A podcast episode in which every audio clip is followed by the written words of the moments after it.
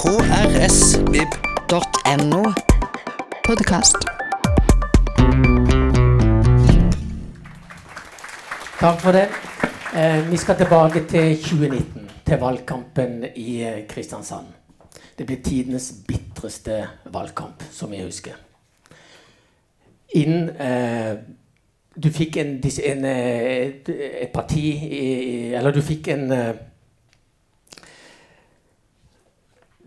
kan altså det, se, nå kommer jeg litt ut av det her. Eh, det som skjedde Høyre ble detronisert som eh, styrende parti. De hadde hatt eh, skal vi si, klippekort på ordførervervet og, og kontoret, og var plutselig ute. Inn var to protestpartier med tidenes oppslutning. Spillet om makt hadde fått en ny deltaker, Sørlandsnyhetene.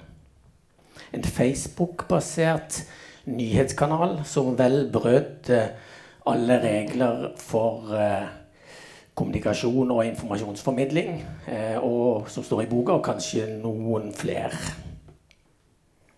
Kampsakene deres det var jo nei til kunstsilo, nei til eh, Gartnerløkka og nei til flytting av havn. Tilfeldigvis tre saker som også var kampsakene til Demokratene og tverrpolitisk folkeliste. Sørlandsnyhetene sjokkerte alle med stilen sin. De hadde en spillestil som satt andre politikere sjakkmatt. Du kan si det var som en fotballkamp. Denne ene laget følger spillereglene, og det andre laget verken forholder seg til hands-regel eller offside. Det blir en smule ujevnt. Midt i denne kampen står altså bl.a. tidligere SV-politiker Melissa Lesamana og Ap-politiker Eirik Daastø Langeland. Så provosert ble de at de satt, seg ned og skrev en bok om hvordan de opplevde valgkampen fra innsida. Og det ble resultatet her. Et valg til salgs. Og den er til salgs. Rett ut her. og i nærmeste bokhandel. Så eh, da er tittelen altså 'Valg til salgs', ja. Og eh, vi skal ta imot Melissa og Eirik, to forfattere, på, på podiet.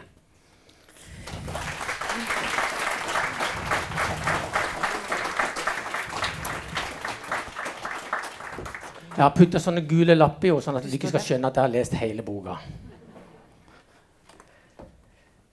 Så eh, Vi skal altså holde på i maks 1 12 time. Vi har delt den inn i to. Jeg skal først ha en samtale om boka og innholdet. Og, og deretter skal vi få fire andre aktører inn på scenen her til å være med og kommentere. Det er Hågen Poppe, eh, politiker i Arendal kommune, i bystyret, og Høyremann. Og aktiv samfunnsdebattant. Eivind Jøstad, eh, sjefredaktør i Fedlandsvennen. Og eh, demo, eh, Demokratenes representanter her, det er Vidar Kleppe, velkjent politiker, veteran. Og Nils Nilsen, nyvalgt. Eller ja, relativt nyvalgt. Bystyrerepresentant også for Demokratene. Det skjer altså i del to. OK, da er vi jo klar. Klar som vi kan Klar som det kan få bli. Hvordan opplever dere å stå som forfattere her i dag? Litt nervøs. Min første bo boklansering. Og merk første. Ja, Det kan bli flere. og Melissa? Jeg er ikke helt der. Jeg er fornøyd med at vi har dratt i land eiet. Altså, Hvorfor valgte dere å skrive bok om Sørlandsnyhetene og valgkampen i 2019? Det begynte egentlig med at eh, når dette fenomenet kom på Facebook, så, så begynte vi å diskutere i chat på Messenger. Har du sett det der, der greiene der? Og begynte vi å ta skjermbilder og sende over til hverandre og lurte veldig på hva det var. Og så har vi jo egentlig fortsatt helt fra begynnelsen. Da så fant vi jo ut at herlig land, vi har et helt kartotek. Vi kan jo lage ei bok. Så gjorde vi i grunnen det, da. Mhm. Gratulerer. Nå er jo ikke boka helt ukritisk, eh, og det innrømmer dere jo også i eh, boka. Men, men kan vi stole på alt som står der? det er en svakhet at at ikke Nils Nilsen, Svein Harald Mosvold Knutsen og Einar Øgrei Bradensdal har eh, bidratt i boka. Det sier vi rett ut. Eh, klart det ville sett annerledes ut eh, hvis vi hadde hatt det. Eh, I tillegg så kan vi jo ikke løpe fra hvem vi er. Det sier vi jo helt innledningsvis. at eh, Vi har jo hatt våre roller. Vi har vært i opposisjon til dette helt fra begynnelsen av. Vi har våre partier som vi har støtta. Så eh, det er bare å være bånn ærlig om akkurat det. Men samtidig så, eh, så, følte vi at det var viktig at noen eh, klarte å eh, samle denne mm. historien mellom to permer, om ikke noe annet noe bare for historiens del. For det er et, eh, et valg vi aldri har sett magen til, og forhåpentligvis aldri ser magen til igjen. Så det er jo iallfall viktig sånn sett, følte vi. Eirik, hvorfor er det viktig? Hvorfor er denne boka viktig? Vi mener jo at vi har ikke sett denne type valgkamp i Norge før. Eh, og at sosiale medier har spilt den sentrale rollen som de gjorde. Så dette skjedde jo da i Kristiansand. Men eh, vi mener jo at de algoritmene som ligger bak, de, jo, de legger opp til at det kunne skjedd hvor som helst. Så vi ønska å fortelle historien så nært som vi kunne da, fra A til Å. Hvordan dette, vi mener dette forløp seg, og hvilke mekanismer vi trodde var i sving her. Og så prøver vi å finne ut hva, hvilken innvirkning dette eventuelt hadde på valgkampen. Så det er en ny medievirkelighet med sosiale medier som vi ønsker å formidle. Hva legger dere i tittelen 'Et valg til salgs'? I, jeg tolker det dit hen at uh, det var et valg kjøpt og betalt, på en måte, og at det, det var aktørene bak Sørlandsnyhetene som kuppa hele valget. Hva, stemmer det? Er det en riktig tolkning? Det er nok å kanskje trekke litt langt, men det, det var en Facebook-gruppe som ble heftig promotert eh, med penger og som vi eh, opplevde spredde veldig mange myter som spredde seg rundt i Kristiansandspolitikken og i ordskiftet.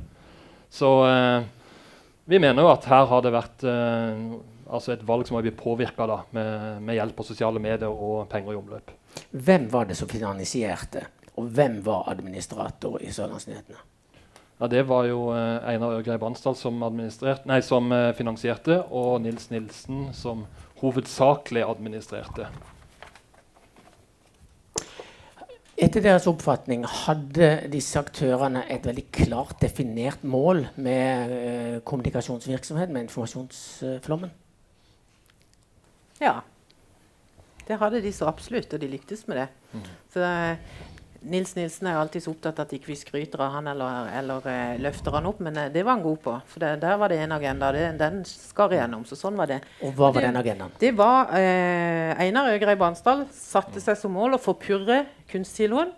Og så fulgte det med en del konspirasjonsteorier rundt det. Og så hadde han en veldig god mm. lagspiller i Nils Nilsen som klarte å fullbyrde det da ut i tekst og ut til publikum sånn som dere ser det, ble Demokratene og uh, tverrpolitisk folkelig det, det, verktøyet som skulle hjelpe Sørlandsnyhetene å nå det målet? Var det en, en link, en klar link der, eller var det bare tilfeldige aktører som fant hverandre? Tilfeldig og tilfeldig. Jeg tenker Det har vel litt med, med hvilke skrupler og mangel deretter på hvem som ønsker å ta i bruk sånne virkemidler. Og Da sto jo Demokratene i fremste rekke. og Det var jo også derfor at Nilsen hoppa av fra Arbeiderpartiet og fant sin ideologiske rettegang rett inn i Demokratene, eh, som da takka og bukka for bidraget. Demokratene ble jo veldig tidlig en sentral aktør i Sørlandsnyhetene og benytta Sørlandsnyhetene veldig aktivt inn mot uh, valgkampen. Og det skjedde ganske tidlig etter oppstarten også. Og etter hvert så ble, jo, ble det jo en kanal for veldig mange Demokratene-kandidater, og etter hvert også Nils Nilsen, som gikk over til Demokratene, eh, for å promotere seg selv og sine synspunkter. Eh, det valgskredet for Demokratene og tverrpolitisk folkeliste, eh, hvor mye av fortjenesten tillegger dere Sørlandsnyhetene og Nils Nilsen og hans medhjelpere? Vi skriver, ganske, vi skriver, en del om det i slutten av boka. Eh, først og fremst så var jo 2019-valget et protestvalg over hele Norge, ikke bare i Kristiansand. Men det pekte seg jo litt ekstra ut i Kristiansand, da, både med tanke på hvilke partier som gjorde det bra, men også fordi at eh, endringer da i, eh, blant velgerne var enda større i Kristiansand, og valgdeltakelsen gikk enda litt mer opp i Kristiansand. Og vi tror jo at Sørlandsnyhetene på en eller annen måte da, spilte en ganske sentral rolle da, både i ordskiftet, ikke minst. Eh, hva det gjorde med, med måten vi snakka om eh, visse saker på. Men også at de spilte en sentral rolle i pro eh, promotering av en veldig spesiell vinkling inn mot saker da, som vi tror hadde valgpåvirkning. Så en kombinasjon av veldig potente saker som, eh, som hadde Der kanskje eh, de største partiene har, ikke var helt i, på linje med, med, med grasrota. Ja, men det var nå det, da. Sånn som kunststil. Og hvis vi tar den saken isolert, den var jo oppe og avgjort. Og eh, Kleppe sier at eh, demokratene ikke har stemt for det. Det gjorde de. Det var et enstemmig bystyre som gikk for den kunstsilosaken. Jo, du kan bare sitte og riste på hodet. Det står i protokollen. Så enkelt er det. Men i hvert fall, det var, eh, det var faktisk eh, Kasjeikal som var til stede. Du var i fylkestinget den dagen. Men det er like fullt ditt ansvar. Dere, dere stemte for det. Og det gjorde Rødt òg. Det gjorde alle andre partier. Det var et enstemmig bystyre. Og ergo tenkte en ja vel. Da er vi ferdig med den saken. Men den gang ei, det klarte jo Sørlandsnyheten å snu den. da, For dette, dette var jo kjepphesten til Einar Øgrei Bransdal. For han begynte å ane ugler i mosen. Det var kjøpt inn en container med champagne på forhånd som sto der og så, som skulle sprettes når, eh, når eh, politikerne endelig hadde sagt ja formelt til siloen. Men den var jo avgjort på bakrommet for lenge siden. ikke sant? Masse kø du, en annen verden. tenker du det, altså, at hvis Sørlandsnyheten ikke hadde vært der, så, så hadde det ikke blitt noe støy rundt en sånn sak? Nei, ikke på den samme måten. fordi at eh, Det vi opplevde med Kilden, eksempel, var jo at den støyen kom parallelt eh, eh, med hele diskusjonen. Det var også eh, ikke et flertall i bystyret for Kilden. Det var det i dette tilfellet. Sånn at eh, det, det stilte seg annerledes, rett og slett. Det gjorde det. Eh, så, så det er klart at eh, hvis du hekter på noen gode konspirasjonsteorier og sier at du vet hva, det var faktatalt kameraderi og korrupsjon som gjorde at den saken der gikk gjennom, så er det jo ikke så rart folk blir engasjert i det. Det vil jeg jo si er en enkel oppskrift. Eirik, eh, hvordan, eh, hva tror du er den skal vi si, det virkemidlet, det viktigste virkemidlet som Sørlandsnyhetene brukte for å få sånn gjennomslag? Jeg tror det viktigste var at de gjorde verden veldig svart-hvitt. Eh, enten så er det på vår side, er, altså sett ut fra Sørlandsnyhetene, enten så er det fra vår side, som er på folkets side, eller så er det på fiffens side. og Da driver de med sånn kameraderi og korrupsjon og litt sånn der, eh, kun elitetankegang. da. Eh, det tror vi var et ekstremt effektivt virkemiddel som vi hekta helt klart på noen få saker, da, som fikk veldig stort gjennomslag. At det var litt sånn klassisk høyrepopulisme, da, med skape et de mot oss-skille som gikk igjen. Mm. Eh, dette med å eh, hva, hva vil du si er sånn modus operandi for, eh, for Sørlandsnyheten i forhold til å gå på person og på sak? Hadde de noe så, så du noen klar strategi der? Ja, altså Vårt inntrykk var jo at noen personer ble konsekvent alltid veldig negativt omtalt, uansett hva de gjorde. Uh, mens andre ble veldig positivt omtalt nært sagt uansett hva de gjorde. Så det var jo en helt åpenbar politisk slagside hvor man ønska å angripe noen veldig spesifikt og fremme andre eh, helt spesifikt. Ja, du, Vi må jo trekke frem eksempler. Nils Nilsen legger ut innlegg om seg sjøl med referanse til Mahatma Gandhi. Mens, eh, mens, eh, mens Harald Furre er, er den korrupte, arrogante. Jeg vet ikke helt det. Det er noe med det der med den slagsida, ja. Mm. Melissa, hva ser du på som den mest graverende enkeltsak som eh, kom fra Sørlandsnyhetene? Uh, graverende enkeltsak. Det er jo mange eksempler i boka. det er mye å ta av. Ja, det er det. Vi kunne jo stått her til Dovre faller og så gått gjennom eksempler. Men jeg, jeg, jeg tenker at det, det er helheten. Det der, der, uh, hvor langt man er villig til å gå.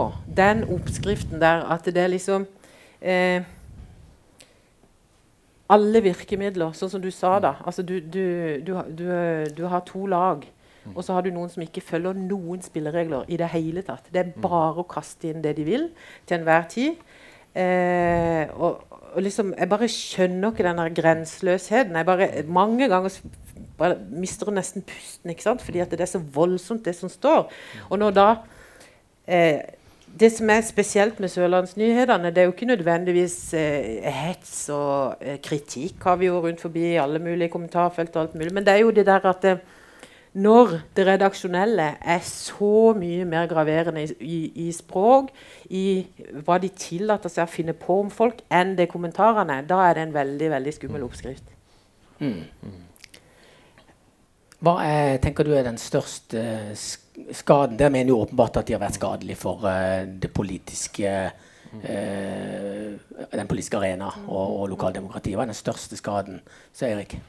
Jeg mener Den største skaden er måten vi har begynt å omtale hverandre på i kristiansandspolitikken. Uh, at uh, folk slenger ut karakteristikker om at folk kan være korrupte og være i et eller annet form for nettverk hvor man kun eh, tenker på seg selv og hverandre. Og at det har satt så steile fronter i bystyret som det har gjort, hvor det er blitt utrolig, ut, eh, le, altså utrolig store utfordringer med å lede møtene og antall interpellasjoner og omkamper i saker som for lengst egentlig har vært vedtatt. Jeg eh, mener vi har gitt et veldig destruktivt eh, altså, miljø i bystyret. Som bare fortsetter og fortsetter etter valget, men begynte helt klart med Sørlandsnyhetene og den tonen de satte. Hva er liksom den største skaden Eller hva er mest bekymringsfullt med det? At det blir litt skarpt i, i, i debatten i, i, i kommunalutvalg og bystyre. Er det så farlig? Ja, det handler om at vi, altså Når frontene blir for steile, så mister vi den gode dialogen i politikken. Um, og Det ser vi jo en internasjonal trend også, ikke minst i USA. Hvor man mistenkeliggjør og fiendtliggjør uh, motstandere så mye at uh, man begynner å tenke at dette er onde mennesker. Og da forsvinner egentlig limet i demokratiet. på mange måter, fordi at Demokratiet er avhengig av at man kan prate sammen. At man ikke tror at motstandere er noen som ønsker å Altså som, eh, for å ta Det mest ekstreme eksempelet er jo selvfølgelig QAnon, som er en konspirasjonsteori. Hvor mange republikanere i USA tror at demokratene ledes av pedofile som eh, drikker spedbarnsblod. Så helt ekstreme ting. Og når ordskiftet kommer på det, på det liksom nivået der, da, så klarer vi ikke å ha konstruktive politiske samtaler lenger. Eh, og det kulminerte jo selvfølgelig da vi så med stormingen av Kongressen. med at eh, De respekterte ikke valgresultatet lenger. Så når de gode samtalene der forsvinner, eh, så begynner demokra demokrati demokratiet å forvitre. Og det var bare fullføre tankerekken. Og det mener vi at det begynte liksom Sørlandsnyhetene på da en prosess i Kristiansand, hvor vi nå sliter egentlig med å prate eh, på tvers av skillelinjene. Har du, eh, mistenker du Sørlandsnyhetene for eh, rett og slett å ha kopiert eh, suksessoppskriften til Donald Trump? Ja, Om de har tenkt så langt, er jeg usikker på. Men uh, i fall at de bruker mange av de samme virkemidlene. At de, uh, de skaper et ekstremt de mot oss-verdensbilde. Uh, og setter folk enten i den båsen eller i den båsen. Og da, liksom, da tillater man seg mye mer måten man omtaler motstanderen sin på. Da, at de er onde, de er korrupte, vi kan ikke ha noe med de å gjøre. Vi fikk jo en storming av Kongressen i januar. har Sørlandsnyhetene Eh, potensialet til å skape en tilsvarende storm i Kristiansand bystyre? I bystyresalen? Jeg klarer ikke helt å se folk med demokratene-flagg eh, løpe inn i rådhuset. Men eh, det er jo en begynnelse, da. Eh, USA er jo langt eh, Jeg skal ikke bruke ordet 'foran', for det blir helt feil. De, der har jo dette pågått i mye sterkere grad. da. Men det er jo der det begynner, med sånne spirer som det. da. At man omtaler hverandre på en måte som blir skadelig for demokratiet på sikt. Hva tror du må til for å få en, skal vi si, en friskmelding av den politiske debatten? Har vi noe håp om det? Å få det til? Må jo ha noen ut av de som er kommet inn, tenker jeg.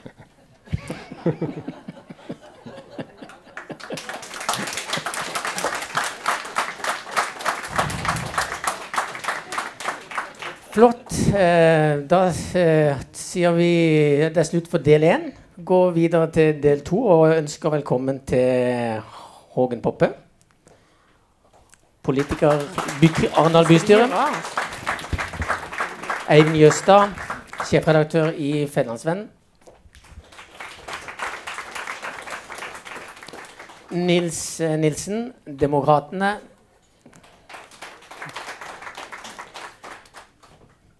Og Vidar Kleppe. Det er også Demokratene. Du kan gå ned der på enden. Vi går på enden.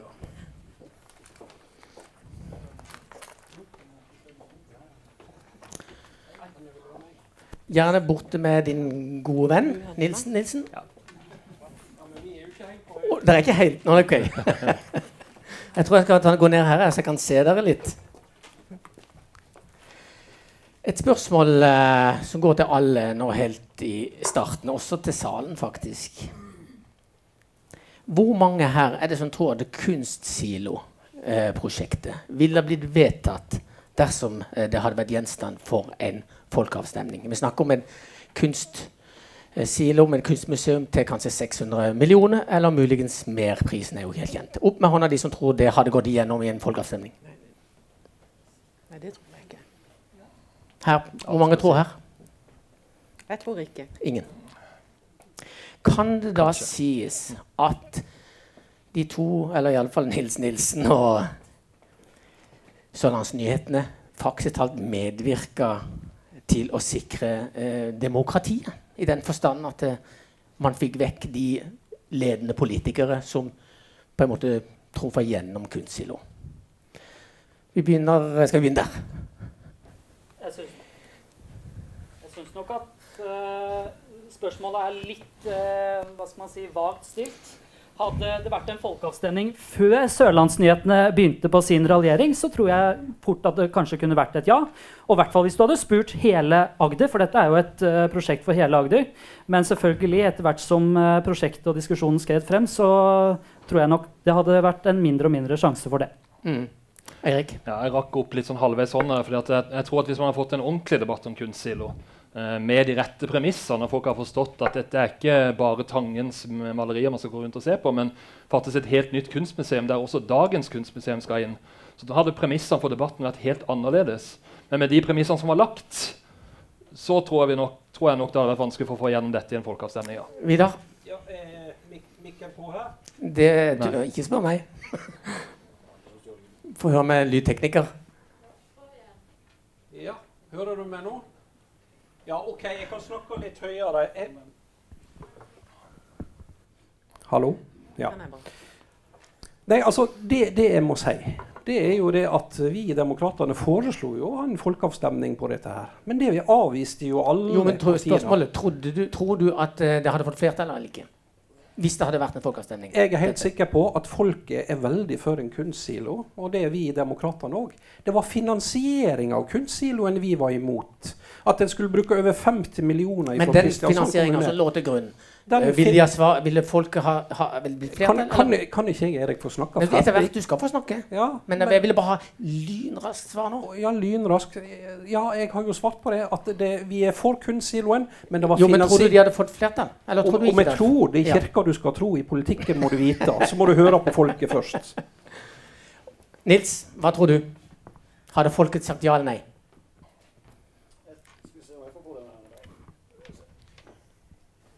Ta, ta.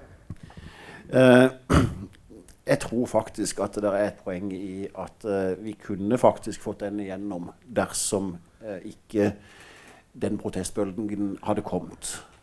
Og så kan jeg godt korrigere litt på innledninga her. For at min store sak det var ikke å være mot kunstsilo på noe vis. Men jeg er jo veldig på høyde med Kleppe her med at prosessen var etter mitt syn råtten.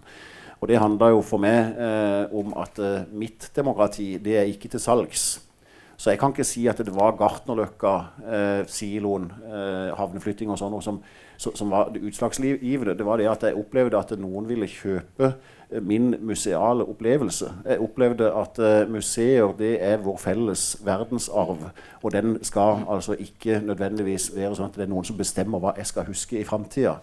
Så for meg så gikk det på det, men ikke på kunsten og heller ikke på siloen isolert sett. Mm. Men tror du det hadde blitt et eh, flertall eller et eh, for, for kunstsilo hvis det hadde blitt en folkeavstemning? Det er jo et veldig godt spørsmål. For jeg tror at det hadde blitt et flertall hvis ikke noen hadde skrevet opp. Men så skrek dere opp, og så, hadde... og så fikk de ta konsekvensen. Ja, jeg tror at Ja. vi påvirka avgjørelsen eller Ja. Så du hjalp demokratiet.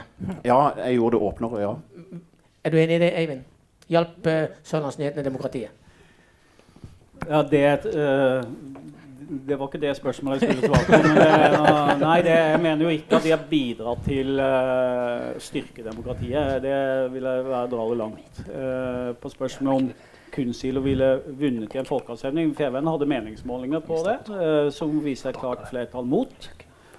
Eh, men det var jo etter at bråket starta. Og det er jo litt viktigere nå når vi skal diskutere denne boka. Og dette er jo en form for historieskriving om hva som har skjedd i Kristiansand eh, i eh, de siste fire åra. Eh, og, og Kunstsilo er jo veldig ve eh, sentralt her.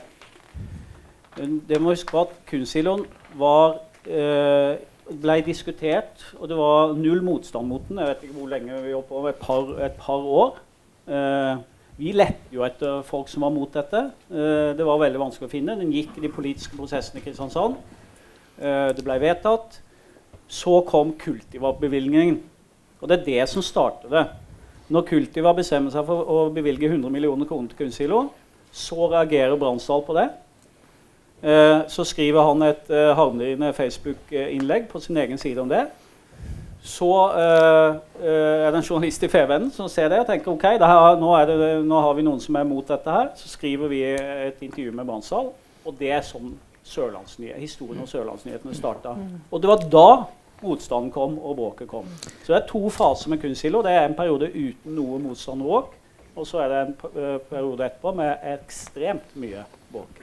Mm. Men er det en, en, en situasjon der publikum på en måte ikke får øye på saken og ikke får engasjere seg, men i det øyeblikk at eh, saken blir aktualisert, så, Ja, det, og det er jo et poeng, og der er jo mange som har bidratt til at det ble mer kjent. Men, men det var jo også noe nytt som skjedde. Det var at Kultiva bestemte seg for å bruke så mye penger på den kunsten. Mm. Erik?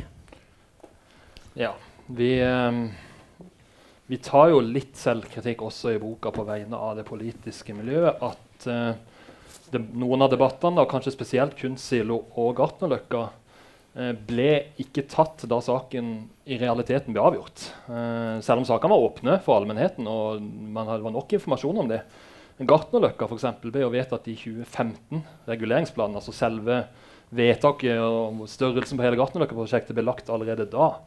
Prosjekt, eh, debatten den kom i 2019, fire år etterpå. Da var jo liksom alle vedtak gjort. Reguleringsplanen var lagt, og eh, finansieringa i form av bompengepakke var lagt. Og da ble det liksom hele debatten i sporet at skal man ha en omkamp eller ikke. Eh, og da, som vi sier i organisasjonsteorifaget, da, da hadde kommunen gått inn i en lock-in-fase. altså at de tidligere valgene du har tatt i denne saken, gjør det altfor kostbart å snu. Og da ble, liksom, da ble liksom frontene diskusjonen enda steilere. For da var det liksom ikke da ble det liksom de som ønska å reversere alt, og, og dermed sette i gang og reversere noe som allerede nærmest er gjort masse avtaler på osv., med tanke på bygging og oppstart osv. Og, så uh, og det polariserte jo debatten desto mer. da. Håkon? Nilsen sier at uh, prosessen knytta til kunstsilo den var uh, altfor dårlig. Uh, jeg kjenner ikke hele den prosessen. Eh, jeg har sett den i stor grad fra utenfra. Men jeg var en av de ca. 120 politikerne som var med på på hele Agder, i både Aust- og Vest-Agder gamle fylkeskommuner og i Kristiansand kommune, som var med på å bevilge penger til kunstsiloen. Skal alle de 120 personene der vært kjøpt og betalt? Jeg kjenner til gode prosesser innad i mange partier. I mitt eget parti så fikk jeg kjeft fra egne for å stemme for dette prosjektet og gå i, prosjek i bresjen for prosjektet. Det var aldri noen selvfølge at eh, det var et eh, ja til kunstsilo, selv ikke i Høyre, kulturpartiet Høyre. Eh, og det har vi også sett i andre partier. Det var lange og gode diskusjoner. Så hvordan man skal klare å kjøpe og betale 120 politikere på hele Agder, det skulle jeg gjerne visst. Vidar og Nils? Ja, Nå hører jeg her at alle får snakke om hva de vil, og da håper jeg at jeg òg kan få dra et resonnement uten å bli avbrutt. Skal vi se på det? La det være sagt med en gang. Vidar Kleppe har aldri stemt for kunstsiloen og bevilgninger der. På noe nivåer. Vi har det nemlig sånn at Når det er budsjettene i Kristiansand kommune, så er du tvungen etter kommuneloven til å stemme blant de to siste som står igjen etter de ulike pakkene har falt.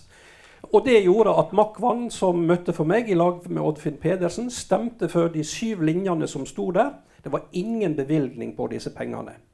Det er den faktiske sannheten.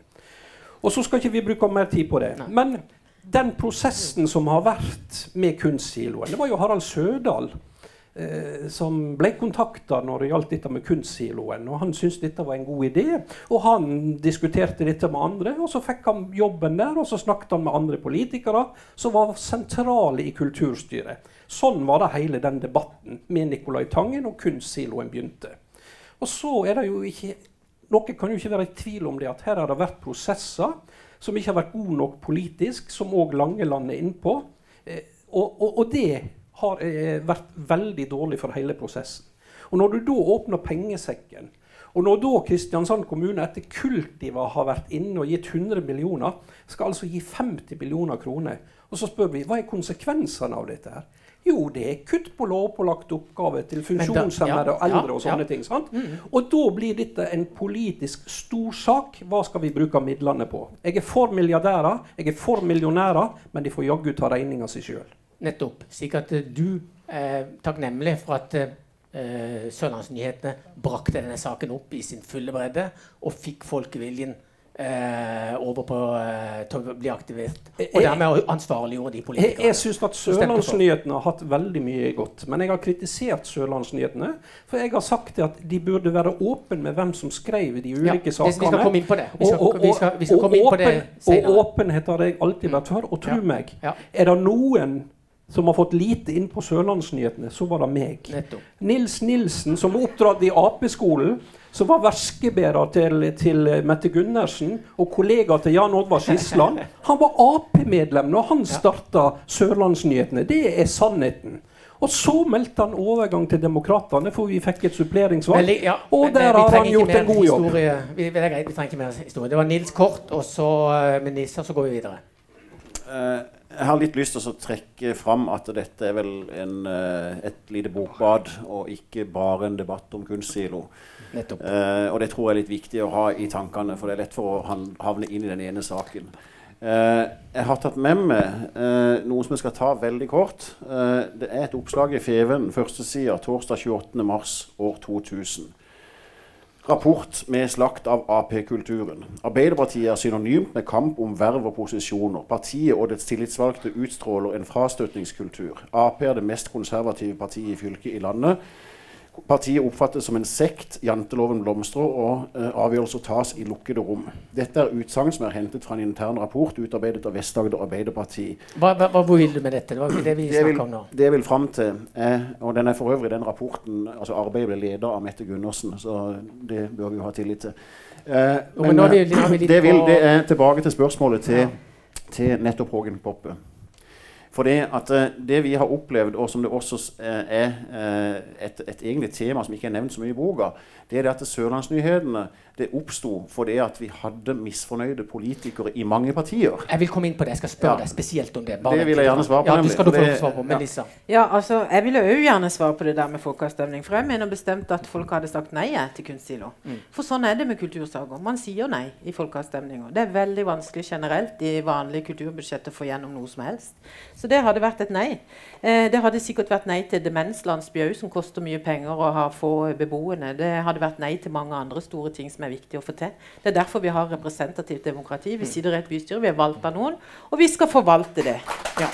Og det at Kleppe sier Han har en sånn Einar Øgrei Bransdal-taktikk. For det er sånn, Du skal ikke lyve, men du behøver ikke si alt. Og det han ikke sier, er jo det at det, Nei, han var fraværende akkurat den dagen, men de hadde jo aldri tatt ut noe som helst av budsjettet med den kunstsiloen. I tillegg, gjett hva du gjorde for noe, da? Makwan Kasheikal, min gode venn, og Oddfinn Pedersen. Jo, de stemte for et oversendelsesforslag fra SV. at det, i, i, eh, Samtidig med ferdigstillelsen av kunstsilo skal Kristiansand kommune ta sikte på å bli Norges kulturby nummer én. Aktiv stemme. Det sto ikke noen steder, det. Men det syns de var et bra forslag. Ja, men det, det var jo ikke, det var jo ikke Vidar Kleppe. Det er meg som er sjefen her. Det, det var ikke Vidar Kleppe. det er meg som er sjefen her. Sjefen? Ja, jeg er sjefen. Ja, uvant for ham, men Melissa, det du sier her, er jo at uh, politikerne vet folkets beste bedre enn de sjøl. er Iallfall i kultursaken. Altså, man, eh, man kan lide det eller ikke lide, men en er satt til å gjøre en jobb, og derfor må en gjøre den skikkelig òg. Ikke sånn som Vidar Kleppe, som sov i timen når kunstsiloen var oppe. Og så når værhannen begynner å snurre, så henger han seg på, for det er det han er vant til å se etter. Greit. Skal jeg få- skal jeg få svare på den også? Nei, vi skal, nå skal vi gå videre. For nå Jeg vil jeg trodde, jeg trodde vi skulle ha det litt løst og ledig. Ja, det, det er det vi ikke har. Og Ikke når, så hun, og når hun ligger opp til den, så er jo ikke det korrekt, det som hun sier. Selv om folk i salg gliser og ler. Nei, jeg tar disse sakene på største alvor. Og jeg har aldri stemt før. fem flate øre av offentlige midler til kunstsiloen. Vel, eh, akkurat. Det vet Ikke han jeg. personlig, Det men vet jeg. partiet hans har. Men nå vil jeg snakke litt med Nils Nilsen. Nissen. Det er ikke mitt parti. Eh, aktiv skribent. Eh, slagkraftig, både verbalt og, og med det skrevne ord. Hva syns du om at det er blitt bok av fenomenet Sørlandsnyhetene, som du jo har hatt en aktiv rolle i? Eh, Nei, jeg tenker at det er bra. Altså, det er en historie som er viktig at uh, skrives, men det er jo en fryktelig liten historie. Det er ikke noen verdenshistorie i dette, men det kan være en god påminner. Og, og eh, jeg skulle egentlig ønske at jeg hadde bidratt bedre til boka, men eh, som Valeri Kubens også skriver i Federlandsvennen, så er dette først og fremst et partsinnlegg. Det er ikke en, en, en, en si, faktabeskrivelse av hva som skjedde, og boka er jo da svak fordi at ikke vi bidro. For jeg har filer. Med alle innlegg. Og den skulle jeg egentlig gitt til dem, for da kunne de ha gått enda hardere til verks og Ja. fått bedre, eh, bedre, Men du er, helt altså- for, du er fortrolig med at det er blitt skrevet bok om eh, fenomenet Sørlandsnyhetene? Ja, måten de jobber det er absolutt, men jeg har, jeg har lyst til å Du er ikke enig i alt som står der? Å, å nei, langt derifra. Men, men eh, jeg, jeg syns at eh, Og jeg syns det er mye som jeg vet jo at det er direkte feil òg, men det som eh, jeg syns er bra, er at eh, debatten trekkes opp. Og jeg, jeg har veldig sans for del to av boka. Og det er der jeg mener det mangler et lite appendiks i forhold til partikultur. Nils Nilsen, dere klarte å skape en liten revolusjon. Altså, Jeg er kommunikasjonsmann sjøl og vet hvor vanskelig det er å flytte på folk. Å, å flytte meninger og, og, og, og store folkemasser. Dere flytta kanskje iallfall har vært sterkt medvirkende til å flytte 20 av, av velgermassen. Ja, det eh, er jo noe som faktisk de lærde strides om. For Dag Ingvar Jacobsen er ikke enig med deg i det, men eh, jeg skjønner eh, Ja, du, poenget. eh, men du er enig i det? At det Nei, altså, det, det jeg tror det er at eh, vi har vært, og tro meg, vi har ikke gått til noen sånne Trump-greier eller noen ting. Og, og vi har heller ikke altså Husk det at jeg skrev som Arbeiderpartimann. Det var jeg som savna, og mange andre i andre partier som savna at sosialdemokrater var, altså oppførte seg som sosialdemokratisk. ikke sant? Og da er det sånn at det, Jo, du banner litt i egen kirke. Det kommer til noen punkter hvor konfrontasjonene er helt åpenbare. Men er du enig i at du påvirka, eller at Sørlandsnyhetene og din skriving var med å påvirke valget i betydelig grad? Ja, altså jeg tror at uh, hvis jeg skulle ta på meg uh, noe av den flatterende omtalen jeg har fått, for det har jeg faktisk fått i den boka der, i forhold til hvor produktiviteten var, så er det klart det påvirka. Men eh, vi var nok heldige med timinga òg, og vi klarte å utnytte ei timing. Altså, det var ikke sånn at vi satt og skrev i vilden sky. Vi planla alt sammen og hadde gode eh, prosesser på hva vi ville og hva vi absolutt ikke ville. Er du stolt av det dere klarte å få til? Jeg er veldig stolt av at vi klarte å få en by som våkna demokratisk. og sånne ting. Men mitt mål det var å skape forandring. Jeg sa aldri 'forandring til hva', for det er faktisk opp til velgeren. Men du pekte en retning. Nei, det gjorde jeg absolutt ikke. ikke. tre viktige saker, kanskje? Eh, ja, men det er en konsekvens av at jeg ville ha forandring. For jeg kritiserte først og fremst prosesser. Og boka den sier jo også veldig tydelig at jeg f.eks. aldri gikk inn i eh, miljøspørsmål, rasismespørsmål, eh, den type ting. Det syns jeg det har faktisk klart å få med ganske bra, for det var en viktig ting for meg. Men dere kjemper om tre viktige saker. Det var kunstsilo, det var eh, flytting av havna, og det var Gartnerløkka. Det var veldig mange som, som eh, var opptatt av de sagaene av de som skrev. Jeg modererte, og jeg selvfølgelig også retta veldig mye skrivefeil og innlegg. Eh, men for min del forandring. Du kaller det nyhetskanal. Dere kalte den, eller gjør det ennå faktisk, kaller det en nyhetskanal. Var det nyhetsformidling, eller var det hets, ryktespredning og løgnhistorie dere serverte? Eh, hvis du går gjennom, gjennom alle de sakene, så er det klart vi hadde våre bommerter, hvis det er det du skal fram til. Men i all grad så kan du si at det er ingen som har sjekka så mye dokumenter, postlister, bedt om innsyn hos departementene, hos fylkesmannen, hos kommunen. Vi var en sann plage. Jeg hadde på et, på et tidspunkt på, hjemme på mitt stuegulv så hadde jeg over 10 000 dokumenter som var sortert i bunker som vi pugga og leste, og som vi trakk konklusjoner av. Og så er det én ting til som jeg tror er veldig viktig. Jeg har akkurat lest opp et stykke fra Feven om at det er lite transparens. Da er det sånn at eh, er ikke da politikerne sjøl litt skyld i det som kommer fram? For det at eh, vi henter ikke fram dokumenter eller påstander som kommer fra noe annet enn den dokumentasjonen vi finner i partier og i prosesser. Men det ser når jeg bare leser litt gjennom eh, det som har boka, selvfølgelig, og, den, og de eksemplene der, at det er to ting som peker seg ut.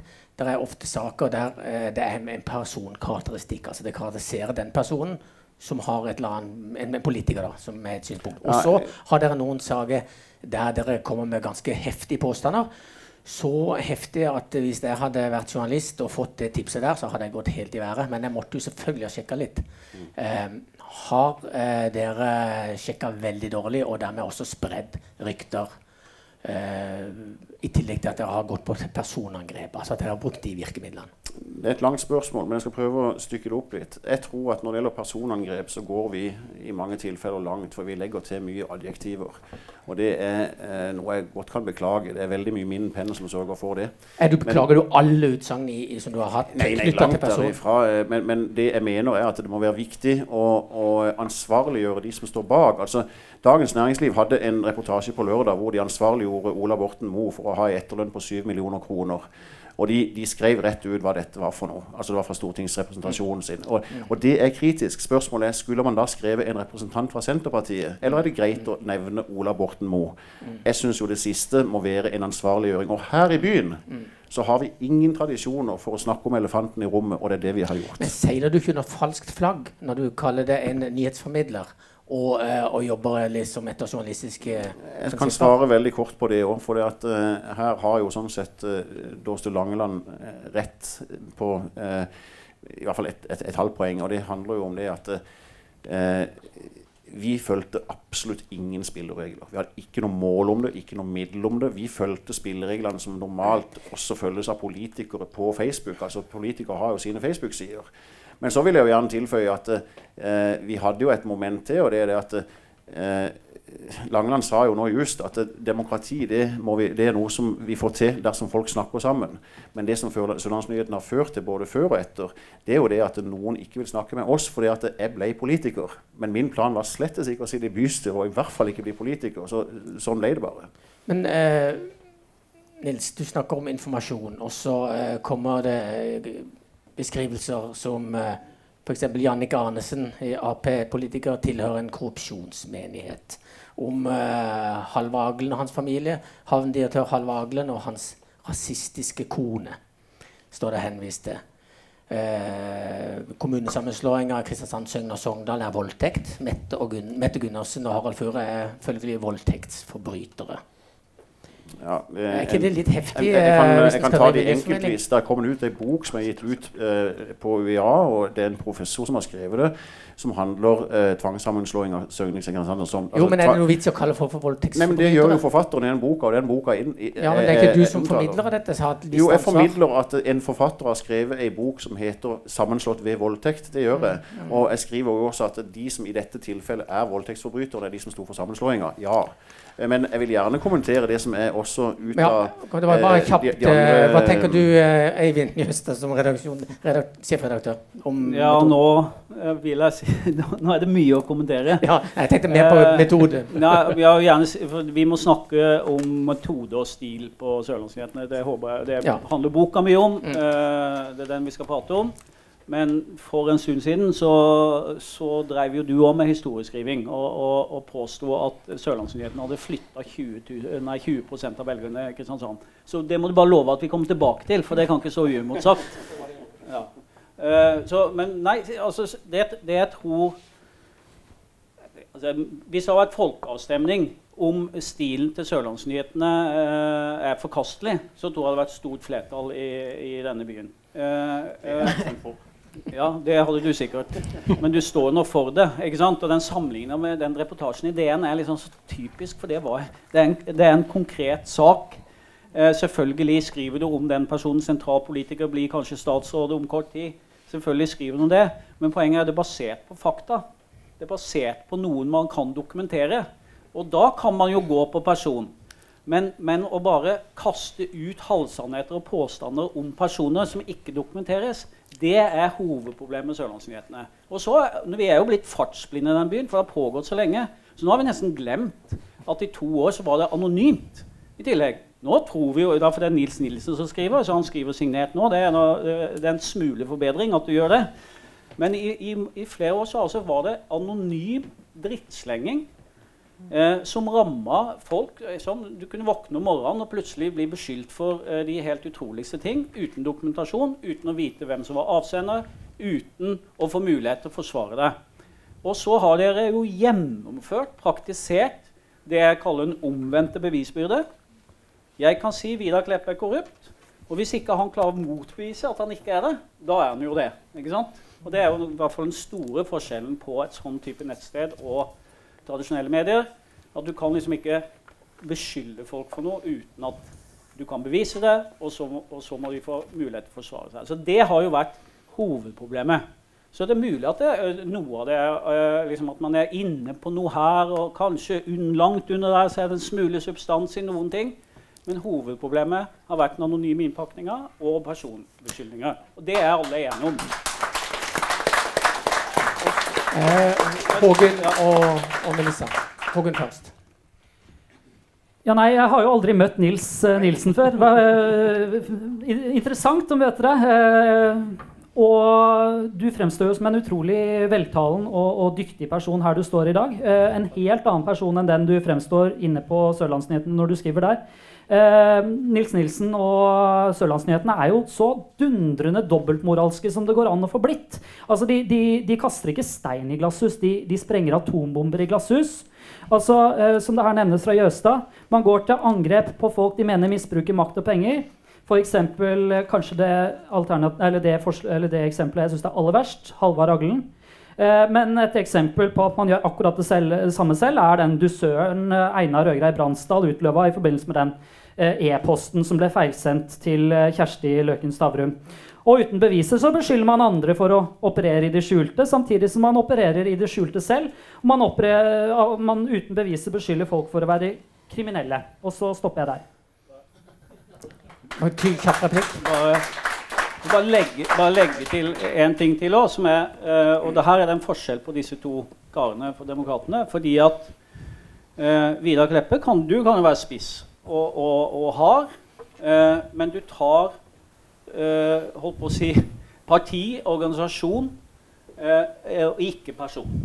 Ikke sant? Du kan kalle oss Feven for Furrevennen, eh, og du kan, eh, du kan si at vi er høyrevridde, eller noen ganger kan du si at vi er venstrevridde. Ok, Det må vi tåle. Mens du, du går rett på person. eh, Ikke sant? Eh, og det gjør du uansett meningsmotstander. Hvis noen er uenig med deg, så skal du ta personen. Og det er jo eh, en uting, mener jeg. da. Jeg tror debatten blir veldig veldig mye bedre hvis du kan holde deg til sak eh, istedenfor person. Kort, eh, Melissa og så videre. Ja, det høres jo så hyggelig og greit ut. Ja, så skal vi skrive om Borten Moe og syv millioner i etterlønn. Hvis du skulle ha skrevet en sak om Borten Moe, så vet vi hvordan den hadde sett ut. Da så det ut som han skulle i fengsel i morgen. Eh, for både det ene og det andre. Det er ikke nødvendigvis bare noe, noe etterlønn eller noen ting der. Da hadde det vært 10 000 andre Nå er det visen du som ikke forholder deg til fakta. Nei, det er det ikke. Vet du hva? Jeg blir så provosert at du står der og skal fremstå som from. Og bare, ja, vi har gått litt over grensa. Nei, du har ikke det. Du har gått over alle støvleskaft. Du har ikke fulgt noen regler. Og du har brutt ned folk Men det har ikke du heller. Melissa. Det er det jeg har. Det er det jeg har. Og så dette her eh, som Jøstad var inne på. Kleppe har et engasjement politisk eh, i et parti som ikke jeg støtter overhodet. Men jeg har alltid respektert at det er et engasjement på lik linje med mitt. Og det har vært spilleregler som har vært fulgt. Jeg syns det har vært helt ok. Nilsen følger ikke spilleregler. Han har vært med og bidratt til at denne byen her ikke har et, eh, et, et arbeidsmiljø i bystyret som kan få utretta noe som helst. Og så, eh, rett etter vi hadde gitt ut boka, så, så fikk eh, Eirik en melding av, av, en av, en, en av dine kamerater og sier nå kan Melissa vente seg. Nå skal vi ta henne for trygdesvindel, og nå skal vi ta henne for at, det, at ikke hun er syk, at hun bare lyver på seg sykdom. Så spurte du jo, du har snakka noe om det, at eh, du er, du er ikke så opptatt av om jeg er syk eller ikke, men hvor mange friske dager jeg har. Og det kunne jeg egentlig lurt på, med det er jo hvor mange friske dager egentlig du har. Vidar. Nei, altså nå, nå må folk puste med magen her, altså. Eh, og, og tenke seg nøye om. Jeg, jeg mener at Sørlandsnyhetene gjorde veldig masse bra, men de har gjort en del feil. Men det var ingen som var fast ansatte der, eller noe som helst. Men det som irriterer meg, Eirik, det er jo det at vi demokratene får beskyldning om at det var Vidar Kleppe og Nils Nilsen og Einar Røgerøy Bransdal som styrte Sørlandsnyhetene. Det var som jeg sa til å begynne med. Jeg sleit med å få innlegg på trykk i Sørlandsnyhetene. For at Nils Nilsen og andre han vil helst ha innlegg fra Kristelig Folkeparti, Høyre og Arbeiderpartiet. Men de benytter seg ikke av den muligheten til å skrive på Sørlandsnyhetene, sånn som jeg gjorde. Og det gjør jeg med alle mediumer. Og Så du syns at uh, Sørlandsnyhetene var så renhårige at du kunne være der og, og, og være deltaker der? Selvfølgelig. Jeg skriver alle plasser. Jeg skriver til og med i Klassekampen. Ikke sant? Jeg vil nå ut med hvilke politiske løsninger jeg har på de utfordringene som vi har. Og da er jeg avhengig av å få det på trykk. Og så har jeg fått ei egen Facebook-side etter hvert med over 13 000 likere som følger meg. Så, så, så dette går så det suser. Og det er jo en av grunnene til at en ser nå en voldsom vekst og interesse for partiet Demokratene. Det var ikke det som skjedde i 2019 i Kristiansand. Nei, Nå er det spredd seg på landsplan. Og hvorfor? Jo, fordi at vi er ærlige politikere. Men Jeg er du ærlig, ærlig, så snakker du ærlig. Jeg er alltid ærlig, og jeg har fått beskjed om at du er altfor ærlig ofte. Men jeg tenker at ærlighet varer lengst.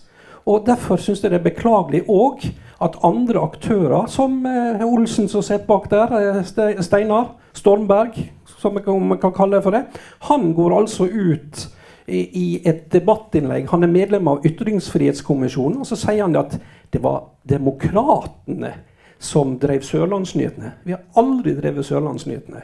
Og det må bare folk skjønne og forstå. Så Og så, og, så er Nils, og så er Nils Nilsen kommet inn i bystyregruppa vår.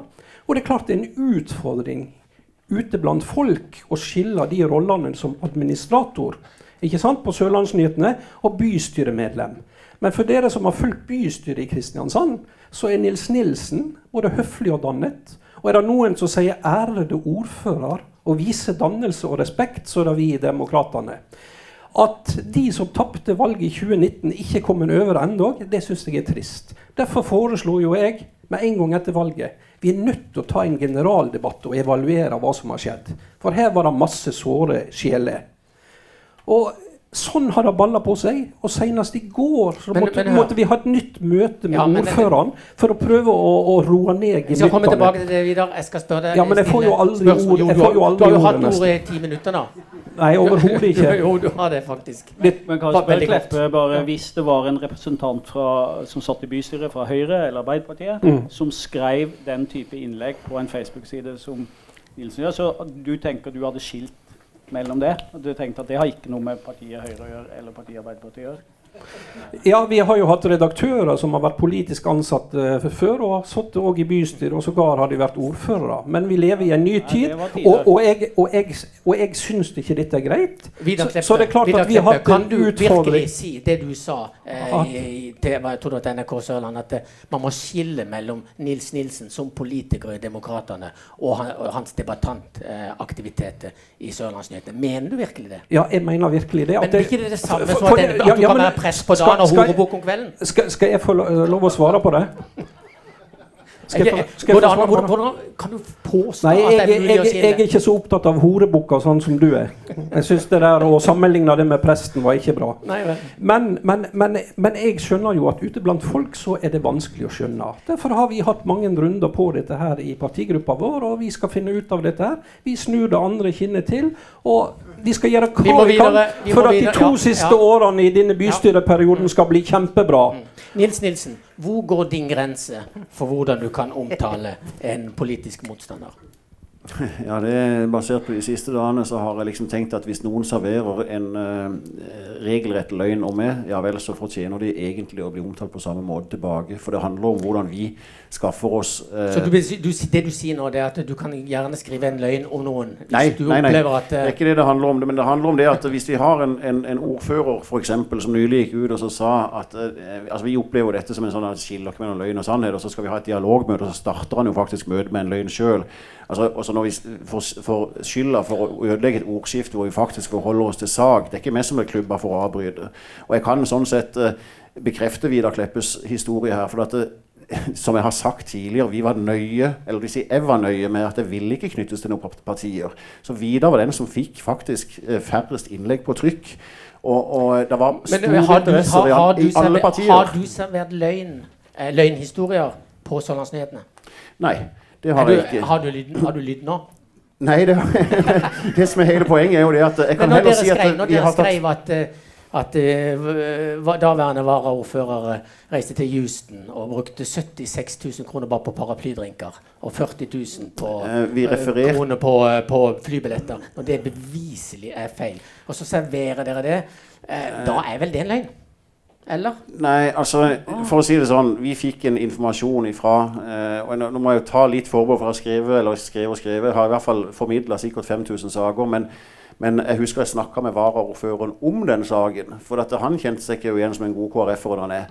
Men vi refererte til eh, en regningspost som var tilbake til Grundekjønns tid, hvor det hadde vært faktisk 76 000 kroner i drinker som var brukt. Og det kan vi dokumentere.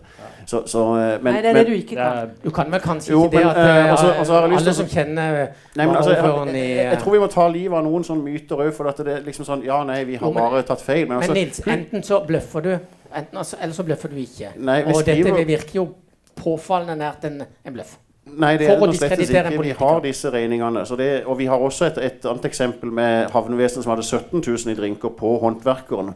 Og det har du også lest. Så, så, så eh, det er sånn at eh, vi kan godt ta fram de sakene hvor vi har vært enten dårlig formert Har eller må- dere, på, har dere publisert ryk, altså saker basert på rykte? Vi har jo relativt nylig eh, publisert en sak som har vært fryktelig vanskelig. Og som, som, Men han er eh, basert på rykter? Altså man har, Nei, man jo, vi har konkrete kilder på den saken. Men eh, vi har eh, også et problem der. For at Feven mener jo at de sine kilder er bedre enn våre. Og det er faktisk ikke riktig. Eh, så, De er åpne, da. Ja, men altså du, de ja, åpne er sånn sett Ja, riktig. Men ja. det som er enda verre i dette saken, det er jo det at Vidar Kleppe tas hele tida til inntekt for Men Sørlandsnyhetene. er nei, jeg skjønner. Er det greit å produsere historier basert på rykter? Eh, Jeg, jeg tok en veldig lang vurdering på det. For vi hadde faktisk eh, en historikk å vise til. Vi fikk ansatt en direktør i Kultiva og i Kilden. Uttatt fra søkerlista. De var ikke dokumenterte, de hadde heller ikke en kompetanse som ble etterspurte. Og så får vi oppleve dette igjen basert på først to stykker som er Altså, de tør ikke stå fram med sin historie fordi belastninga er for stor. så da uh, kan du servere en historie som en nyhet, som Nei, breaking news? Nei, den sjekka vi såpass godt ut at eh, den vet vi det er noe i. Jeg har hørt et rykte. Jeg har hørt et rykte fra din tid uh, i uh, Tidligere Du jobba vel i et reklamebyrå som heter Strømmens Reklame. Det kan stemme. ja. Og da hørte jeg et rykte om at du var en notorisk lø- bløffmaker. At du var kjent for å bløffe. At du bl.a. påstår i en sammenheng at du hadde vært ordfører på ei karibisk øy.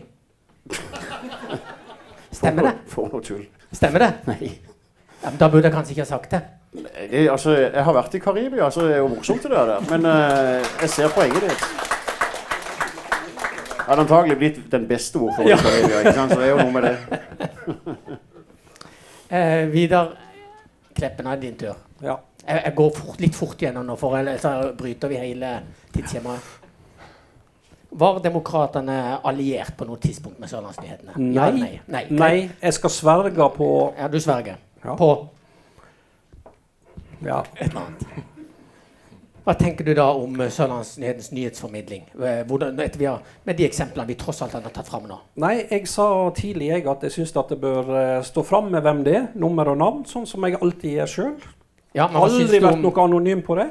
Og jeg har krangla mye med Sørlandsnyhetene opp gjennom. For det første for at jeg ikke fikk på mine gode saker, Ja, det er som, jeg vet, jeg. Ja. som jeg mente var gode.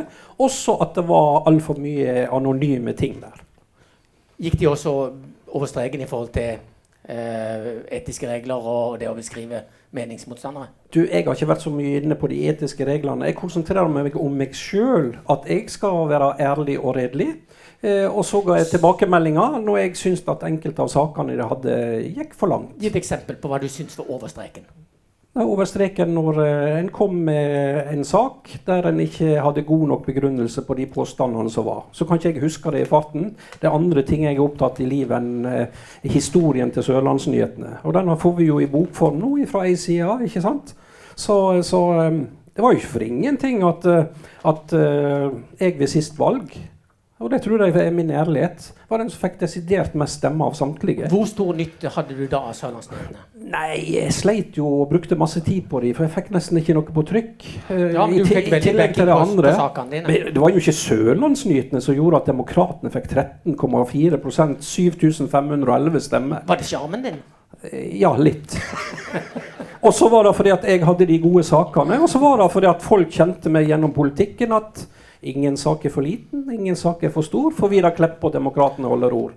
Og så var det det at jeg var ombudsmannen som tok alle saker. Og jeg hadde jo denne fighten med administrasjonspartiet Kristiansand, som aldri stilte til valg, som gjorde veldig masse dumme ting overfor folk som virkelig trengte hjelpende hånd og støtte og forståelse i systemet. Og så så jeg òg, når jeg satt som leder av kontrollutvalget i flere perioder Jo, det er faktisk alt en forskjellsbehandling i Kristiansand kommune. Er på- hvem du er, og hvem du kjenner. på, alt- vi går ikke inn på konkrete Nei, saker men her nå. Spør, jo, du spør jo, da må jeg svare. Ja, men du svarer noe utsvevende. Utsvevende. Ja. Jeg pleier alltid å være konsis. jeg. Hvor øh, Syns du Nilsen er blitt en belastning for partigruppa di, eller en ressurs? Nils Nilsen er en fantastisk dyktig og god person. Og så mener jeg som gruppeleder at Nils Nilsen må bruke kreftene sine på eh, politikken og sin rolle som politiker. Og eh, sånn som det er nå, så bør han kanskje vurdere å se om er det noe vits i å holde på og slite seg ut og skape store diskusjoner eh, som administrator på Sørlandsnytt. Hvordan har du tenkt å holde han i ørene? Du lovte sist Jeg- å holde han i ørene. Eh, Jeg har vært med Nils på møte med ordfører Skisland, og vi har vært eh, enige om det. Men sannheten er jo det at er det en som òg har fått beskyldninger, så er det Nils Nilsen. Det er ikke han som er det store trollet på alle områder, slik som han blir framstilt som. Han har blitt kalt for pedofil, han har blitt kalt 'skyt en jævel'. Og dette er folkevalgte og folk i administrasjonen som har leika og gått god for. Og så tenker jeg at nå må vi ligge bak oss dette her, og så må vi se framover. Hva er ditt konkrete råd til han i forhold til og, Mener du at han skal det være samsvar mellom det han sier på Sørlandsnyhetene og Mitt og konkrete råd til Nils Nilsen det gir jeg til han, og ikke til deg. Hvorfor ikke? Nei, hvorfor skal jeg gi det til deg? Du sier du er så åpen. Du er så åpen hele tida. Ja, men jeg er jo det. Og når jeg har gitt det rådet, og vi har konkludert med det, så skal du òg få høre det, på lik linje med alle andre. Takk for det. Hågen Poppe. Du eh, har jo vært en ivrig kritiker av Sørlandsnyhetene. Du har fulgt med, du har vært aktiv på, på siden og, og kommentert og kritisert. Eh, hva tenker du eh, Eller mener du at Sørlandsnyhetene sto for en mobbekultur? I måten de Altså, dette var jo ikke mobbing, dette var jo en ekstrem trakassering hvor du dro mennesker som allerede var langt nede i livet, enda lenger ned. Ikke nødvendigvis bare politikere, men helt vanlige ansatte i kommunen som ble utsatt for vanvittig, et vanvittig press. Og tidlig, ganske tidlig eh, etter at Sørlandsnyhetene ble oppretta, så gikk jeg inn og prøvde å kommentere. Jeg kjente ingen av disse menneskene, og veldig mange av disse menneskene har jeg til den dag i dag aldri hilst på. Men jeg så hvor vanvittig urettferdig dette var. Hvordan kunne jeg vite at de ikke var korrupte, at det ikke var kameraderi, at det ikke var eh, korrupsjon av verste sort i Kristiansand? Jo, for Hvis det var i en så stor skala som Sørlandsnyhetene tegnet et bilde av, så ville det vært oppdaga for lenge, lenge, lenge siden. Og den jeg husker aller tidligst kanskje fikk det verste skytset mot seg, det var uh, Halvard Aglen. Uh, og jeg prøvde så godt jeg kunne uh, i å forsvare han. Hadde aldri møtt han. Fikk ikke noe informasjon om hva som var tingenes tilstand egentlig. Men vet du hva? Uansett hva som var tilfellet, så var det så vanvittig ugreit, det som ble skrevet på Sørland, eh, Sørlandsnyhetene. Selv om det var noe som ikke var helt som det skulle, så var måten man omtalte andre mennesker på, fullstendig forkastelig. og skal det være sånn at det er en uh, mobbeblogg og et, uh, folke, en folkedomstol som skal avgjøre om noe er galt eller rett? Nei, det er ikke det. Hvis det er noe som er galt, uh, galt i Kristiansand kommune eller andre steder, så skal det tas av politiet, av domstolene. Og det burde man jo raskt ha gjort. Mm. Men det ble en kamp mot vindmøller, og jeg tapte den kampen fordi ingen andre gadd å engasjere seg. Og dessverre så ble monsteret bare større og større. Ja, og jeg er mot Men vindmøller. ja, vent. Må vi få uh, flanken her uh, på plass litt? Eirik, din tur. Ja, eh, Det er ikke tvil om at det har vært en mobbekultur gjennom Sørlandsnyhetene. Altså, det er jo en rekke politikere og eh, byråkrater og næringslivspersoner som har fått så busta fyker. Og som vi også har beskrevet i boka, en fikk jo også hjerteflimmer som følge av dette her. Det er faktisk bare én politiker egentlig jeg kommer på som ikke har fått kritikk noen gang på Sørlandsnyhetene. Han står litt lenger der borte. og Han mener at, han, eh, at Sørlandsnyhetene ikke har noe med han å gjøre. Jeg lurer på om Vidar Kleppe egentlig har vært inne på Sørlandsnyhetene og sett. Jeg tror Øverste oppslag nå er vel et der han står sånn vel til kamera. eller noe sånt. Han har hatt masse masse innlegg gjennom eh, Sørlandsnyhetene gjennom hele Sørlandsnyhetenes eh, tid. Og Nå har ikke vi telt akkurat hvor mange innlegg som har vært fra forskjellige politikere, men jeg tror at uh, Vidar Kleppe må være den som har kommet oftest til ordet. Så kan det hende at han er litt indignert for at det er noen av hans innlegg som ikke kom til. Men du må jo være klar over at Vidar Kleppe kommer aldri nok til ordet. Men eh, det, har ikke, det har ikke vært noen tvil om at uh, Sørlandsnyhetene ble en eh, kanal for demokratene etter hvert som tida gikk, og, eh, bidro, og bidro til å fronte demokratene. Tilbake til ja, Vidar, eh, Eivind. Ja, jeg har egentlig lyst til å komme litt inn på dette med tittelen på boka og valget og, og sånn. Hvis, Ja, du skal komme inn hvis på- det, kan du- gå på det nå, eller er du Jeg har noen spørsmål på det, men uh, Ja, altså Det er du som er møteleder her. Ja, så det var ikke noe vi- vi tar det etterpå. Vi Da- er enige om det, det vi har snakka om nå. er vi jo enige om. Ja. Stort sett. Yes. Hågen, uh, hvor mye skal politikere tåle? Uh, det er jo blitt sagt at går vi til skal vi si, politikerkultur i andre land, så er det mye tøffere klima. Bl.a. i britisk politikk og i amerikansk politikk. Skal vi ikke, bør vi ikke kunne tåle litt uh, tøft uh, skyts? Uh, er ikke det bare med på å øke engasjementet? Nei, det tror jeg ikke. Tvert imot, hvis skytset blir altfor hardt, så tror jeg det, ja, engasjement drepes. Men selvfølgelig skal vi tåle mye. Men altså, dette er en helt annen verden. Altså Løgner og notorisk trakassering dag etter dag etter dag. Jeg har fått mitt, jeg også. Altså, jeg kan huske en gang jeg gikk ut, eh, eller ut av eksamenssalen, så på mobilen min. Der var det plutselig 40 meldinger og masse sånn. Da var det plutselig nazisammenligninger og fascistopplegg og sånn.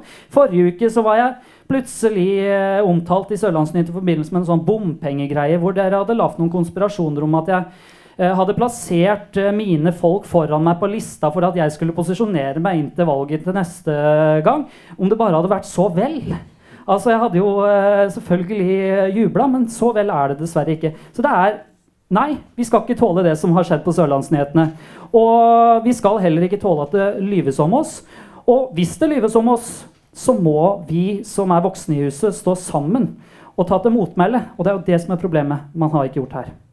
Eh, Kan jeg- veldig kort replikk. da, eh, Ja, jeg syns eh, på mange måter at nå blir det litt sånn tendensiøst. fordi at eh, det man sier, er jo at eh, man, man lyver, og det er hets og det er sladder og sånn. Altså, ja, det har du vel nesten innrømt, i alle Nei, fall. eh, altså, hør her. Eh, dette foregår altså Alle som leser Facebook, de kan også lese om meg, og alle vet hvor mye hets jeg sjøl får. Men jeg Jo, men har aldri trukket fram Hvor mye men, hets du får hjelper Jo. det nå på din metodikk? At du bruker Poenget er jo det? at dette er en, en metodikk som brukes av politikere for å sverte en annen politiker. ikke sant? Og så har jeg lyst til å si det òg at etter at man har fått øst ut om alle som har fått en eller annen hjerteflimmer, eller hva det er altså, Hvorfor står det ikke ett sted i boka noe som vi faktisk fikk rett i? For det var ikke rent lite. Og du må huske det at de kildene vi hadde, de kom fra partiene. Dette er mennesker som du stoler på, Eirik. Det er folk du har nominert til valg, og som sender oss informasjon. Og det er klart det at eh, Når vi da avslører f.eks. sånne ting som at eh, Dovre Consulting tapte et andre anbud hos Cultiva fordi at det, det var nære forbindelser som Ja, vi avslørte. ja. avslørte. Og så går oppdraget videre til neste. Altså Vi tok, vi, vi tok mange saker, og noen kunne vi sikkert styrt unna. Men Ja, men vi da- ja. hadde mye rett. Og du kan gå til, Agder, til Argument Agder òg. Og hvis jeg leser Argument Agder, så har de en litt annen penn Ja, enn oss. ja.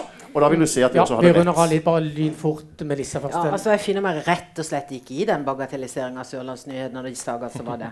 For det var søren ikke fakta. Det er jo en grunn til at ikke det står noe om det i boka. Det ene etter det andre er pelt fra hverandre. Tilbake til dette med de 76 000 kronene i paraplydrinker. Jeg tror nesten var du som inntok de hjemme mens du satt og produserte innlegg. Du, I tillegg du er bystyrets svar på Durek Verrett. Dine kilder ligger i noen parallelle universer som ikke eksisterer her nede på Det vet ikke du noe om. Du har ikke fasit, det har jeg. Det vi har sett gjennom hele Sørlandsnyheten, er jo at uh, det brukes omtrentligheter hele tida. Eller, eller gjetninger til, til tider. Uh, nå er jo paraplydrinkene nevnt. Det fins ikke noe holdbar dokumentasjon for det i det hele tatt.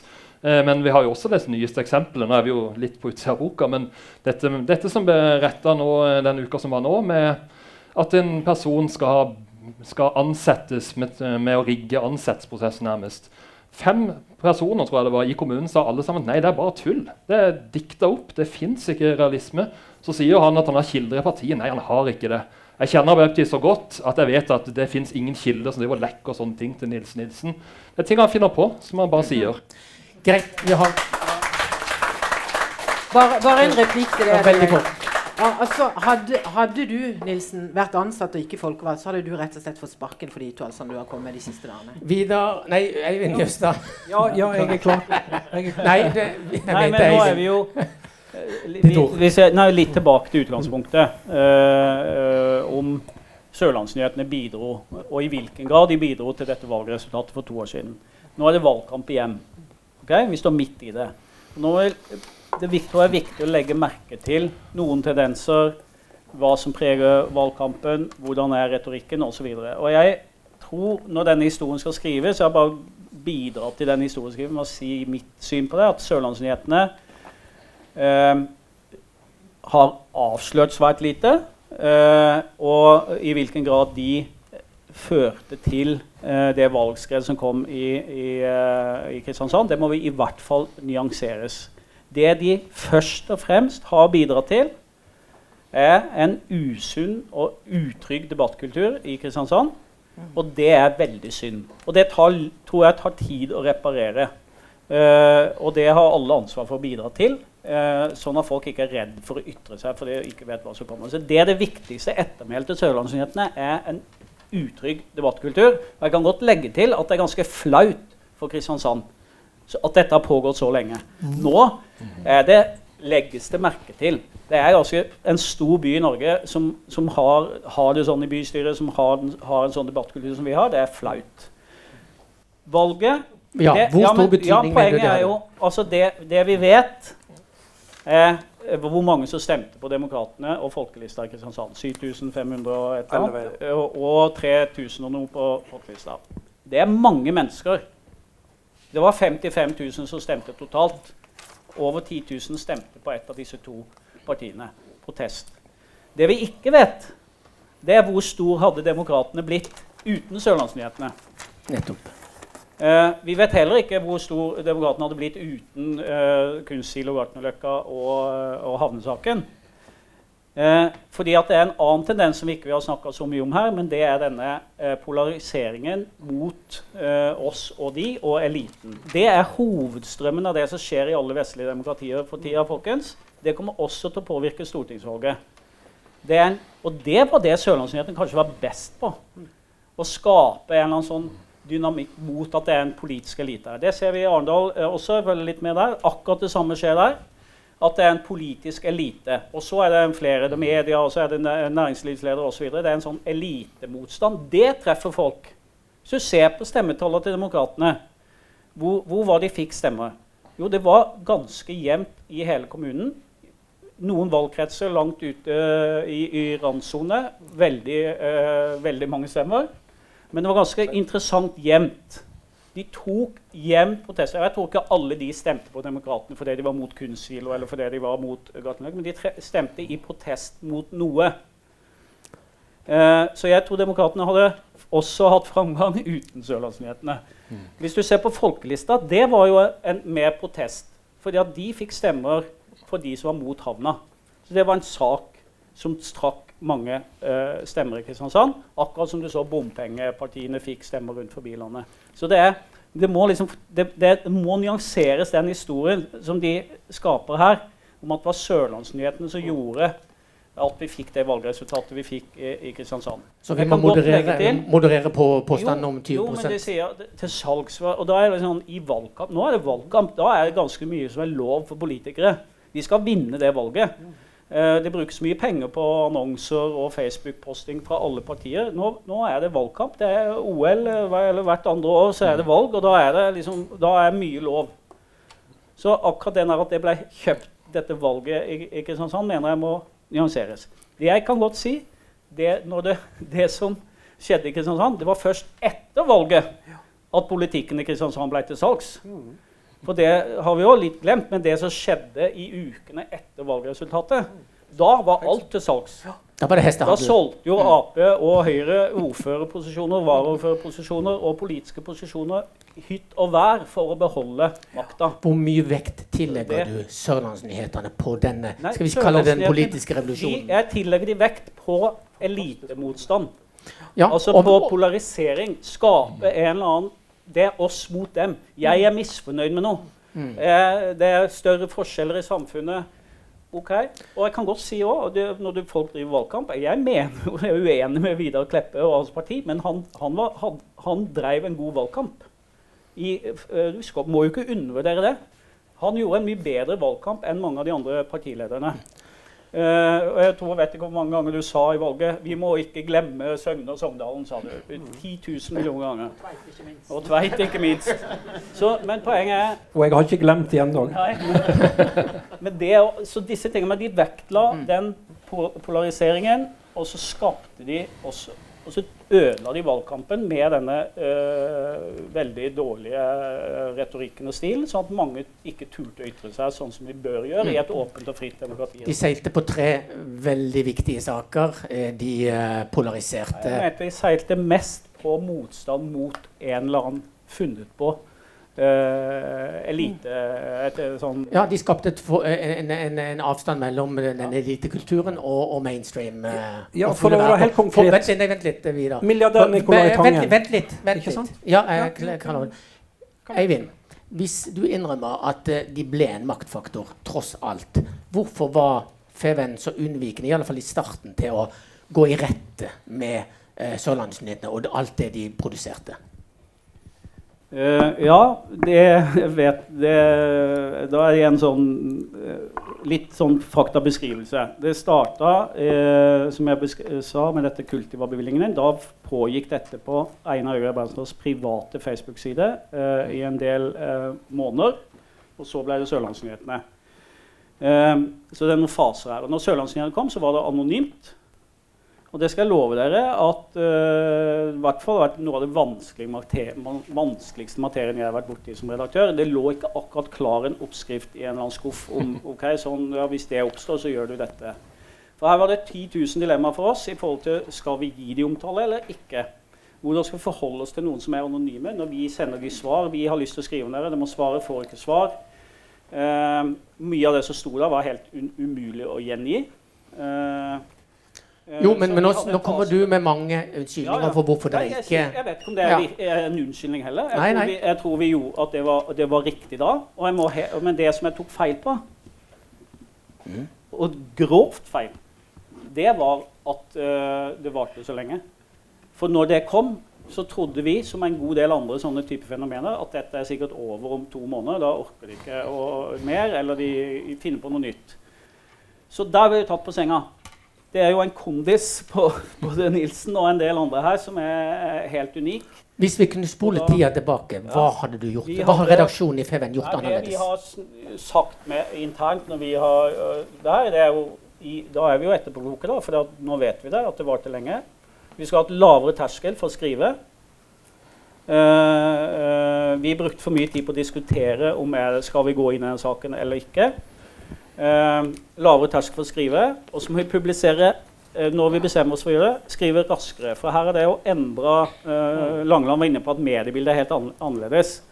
Og det som skjer, er jo at vi bruker tid på å intervjue folk, og så må vi hente inn tilsvar. Og da blir jo kilder og folk involvert. Og så plutselig mister vi kontrollen, for da skrives det om på Facebook at nå jobber Feven med en sak om det. Så det er et helt nytt landskap. Dette er litt sånn internt hos oss, men det er ganske annerledes. Så vi måtte skrevet lavere terskel, skrevet fortere. Men dere kan ikke gjøre litt, lære litt av, av, av Nils og gå litt snarveier? Helst ikke. Helt, vi, vi, vi runder av. Kan, kan jeg bare få si eh, Ja, vi skal, du, skal få, du, skal få, du skal få Vi bare begynner i en ende her med en sluttoppsummering eh, av eh, debatten her. Jeg har lyst til å kommentere litt det Eivind sa. Ja. Han, eh, det var jo også vår opplevelse at det sto på da, at vi eh, mens, vi var, opp, mens var oppe som verst, da, for å si det sånn, mens vi følte at Sørlandsnyhetene herja, og vi følte ikke vi hadde helt forsvar i den ti- tida der. Altså, vi ser at dette er jo feil. dette er jo, Her blir folk hengt ut og mobba. Eh, og vi følte liksom at Fe, Fedrelandsvennen på det tidspunktet da ikke helt kanskje forsto da liksom omfanget i det som skjedde. Og eh, jeg tror det var mange politikere også som tenkte akkurat det samme. Da, at dette, de kommer til å gå lei, og dette her kommer til å renne ut etter hvert. Men det var jo en enorm eh, kondis som ble sagt her da. Og så jeg setter egentlig litt pris da på at Eivind sier nå at uh, sett i etterkant, det er alltid lett å være etterpåklok, selvfølgelig. Sett i etterkant så hadde vi kanskje håndtert dette annerledes, kanskje også fra politisk hold. Tatt tyren med hodene. Og det som er min uh, oppfatning nå, at når vi først tok tyren med hodene, så ble det avslørt hvor tynt dette her var, og hvor uh, luftig dette faktisk innholdet var. At det er basert på rett og slett rykter. Kort på avslutning på uh, Melissa. Jeg tar gjerne siste ord, takk. Du vil vente da, Hågen? Nei, alvorlig talt. Du kommer, vi bygger, går i rett. få et ord, bare slapp av. Ja, men du begynte der, og da må du avslutte der. Nei, ja, vi kommer, vi har det der. Hågen? Det har utvilsomt også vært en eh, viss selvransakelse i partiene, og jeg tror veldig mange har eh, innsett i ettertid at eh, de reagerte for seint. Når man reagerte, så, så var valget veldig nært forestående, og resultatet ble, ble deretter. Jeg har også lyst til å kommentere eh, det Eivind Jøstad sa om Arendal. Vi har en klar parallell i Arendal, hvor man eh, skaper eh, klare narrativer om kameraderi og korrupsjon. og Man lager en virkelig en sånn elite mot folk-greie. Det er jo forbundet med en campingplass som ble nedlagt. Og opp skal det komme en glampingplass. Du får det ikke mer folk imot fiffen enn det. Eh, og i Arendal så er da klubben bytta ut med Arendal seilforening. Eh, og, og, man har kjørt et ganske heftig hardkjør mot både administrasjon og politikere. Og det samme ser du jo i andre byer. Så det er jo ikke eh, noe unikt for Kristiansand det at man har denne type eh, påstander. Det er bare det at her i Kristiansand så er det satt så vanvittig i system. Og, og andre steder så har man ingen multimilliardær som kan betale for det liten oppsummering. Jeg kan legge til én ting i forhold til de dilemmaene vi har stått i, som, som bare er viktig for meg å si.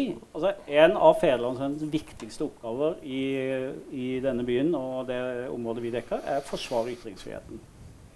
Eh, og det har blitt eh, nokså utfordra i, i, de åra vi har vært her. Men det er en del av dette dilemmaet. Og alt som har med ytringsfrihet, er utrolig lett så lenge det ikke blir vanskelig. Og når det blir vanskelig, så er det utrolig vanskelig. Og vi vet at mange har reagert på ting vi har sluppet til, eh, både fra Nilsen og andre i FVN. Og vi har jo vurdert alt det vi kan, om det er innenfor der eller ikke. Og det er en del av det dilemmaet vi har hatt i, i Kristiansand. Som er en annen kjempestor debatt, men det var hvor setter vi den grensen for ytringsfrihet. Sluttreplikk på Vidar?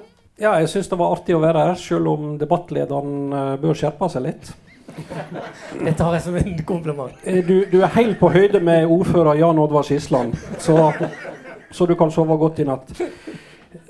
Men, men, men, for å være helt ærlig, og det er jeg alltid Altså, Når Nicolai Tangen, milliardæren, som jeg syns er så bra er blitt sentralbanksjef Han er kjempedyktig og god på dette. her han var jo kjempegod i det han gjorde med kunstsiloen, for å ta en aktuell sak. Han fikk altså Kultiva og det offentlige til å betale storparten av de regningene. Og for oss som er folkevalgte politikere, så skal prioritere. Nå snakker vi om debattkulturen. Og ja, men, ja, men, ja, men det går jo på debattkulturen. Så skjønte ikke Arbeiderpartiet, Høyre og delvis Kristelig Folkeparti at dette her reagerer vanlige folk på, som ikke har til salt i grauten. Ikke sant? Og når vi var klare og tydelige på dette i Demokratene sant? Jeg sa alltid 'milliardær Nicolai Tangen'. Å, det var så forferdelig. Komme med sånne stygge ord. Og Harald Furre han ble jo helt ifra seg, for jeg kalte han for Furre og Fiffen. Så jeg lovde jo på et møte vi skulle ha, at jeg aldri skulle seile mer eh, i valgkampen. Ikke sant? Og, og, og, de trodde alt gikk så såre vel og alt mulig. De hadde ikke den bakkekontakten med der vanlige folk var, der de følte seg overkjørt. Og husk på det, og husk på det. Nå er det to og en halv uke til neste valg. Nå er det stortingsvalg. Og det er ikke for ingenting at demokratene fosser fram på alle målinger. Og sann mine ord, valgnatta den 13.9. så skal vi klare sperregrensa, om ikke Venstre og KrF klarer det. Så skal det ha noe igjen for stemmen etter den er talt opp, så må det stemme på politikere ja, som leverer i hele fireårsperioden for folket. Nils, avslutning. Kommer du til å skjerpe deg og bli litt mer moderat i din omtale av eh, partikollegaer? Ja, det er jo også et godt spørsmål. Ja, kan du svare ja eller nei på det? Det skal jeg gjøre. Hvem av de svarer ja nei? Eh, hvis jeg kan bare få snakke i fred, så kan du ta uh, Roger til slutt med. Uh, jeg har litt lyst til å oppsummere, jeg òg. Og det ene er jo Jeg syns egentlig Eivind Jøstad sier noe klokt. Og jeg har lyst til å ta tak i litt grann den. For dette handler litt grann også om hvordan leserne har tillit til TV-vennen. Og det er ikke til å stikke under en stol at vi får fryktelig mye tips? Og fryktelig mange ting fra folk som faktisk ikke våger å gå til Fevennen. Så det, det, det, er noe å gjøre. Og så har jeg lyst til å si en ting til i forhold til det som er din oppsummering, Eivind. At, eh, nå svarer du ikke på spørsmålet. Ja, jeg, jeg, skal svare på det og okay, kommer fort tilbake. Nå, kjapt men, vi skal ha fra salen her. Jeg, jeg ville sagt litt sånn i, i etterpåklokskapens lys så et bare sånn råd. Vi var faktisk veldig flinke, men du skulle egentlig aldri gitt oss omtale. For jeg tror det faktisk var eh, ikke så klokt. Og så vil jeg si òg litt sånn tusen takk for at eh, jeg får lov å komme her i Løvenes hule. For det, at, eh, det er ikke nødvendigvis så lett å stå her for meg heller. Det er en tung jobb å, å faktisk Men kommer du til å moderere Og tone? så kommer jeg til spørsmålet spørsmålet Ja. eh, fordi at jeg tror egentlig ikke at jeg kommer til å moderere eh, svært mye. Jeg tror Så du vil at, eh, kalle folk for nazi? Og Nei, et vil kalle øyeblikk. for- Bare hvis du Ja, ikke vi- om meg, så skal jeg heller Jo, komme men, med men, men vær konkret nå. Ja, men det er det jeg skal være. Jeg skal være Ja. veldig konkret. Og, og, og det handler om det at eh, det er såpass mye jobb å stå i det at eh, jeg tror, eller ikke bare tror, jeg vet jeg kan si det her og nå, at min rolle i Sørlandsnyhetene kommer til å bli endra. Og det er fordi at eh, det er eh, veldig vanskelig å ha på de to hattene samtidig, å være politiker og Nettopp. Ikke sant? Nettopp, ja. Så, så, så, så eh, det er altså en jobb å være i Sørlandsnyhetene òg, for vi får altså ikke fred fra telefoner, vi heller. Da prioriterer du å være en, en jeg- skikkelig politiker. Jeg vil prioritere å være politiker. Kjempefint. Det er noe som eh, jeg tror at er veldig Helt takk viktig. for det. Vi tar, at, eh, det gleder vi oss til. ja, Da må du Melissa? stemme på Demokratene, Ja. hvis ikke så blir jeg ikke politiker. Hei. vet du. Melissa. Ja, stakkar Nils som kommer her alene. Men du har jo med deg både, både politikeren og skribenten. Det er i hvert fall to der som står ved siden av hverandre.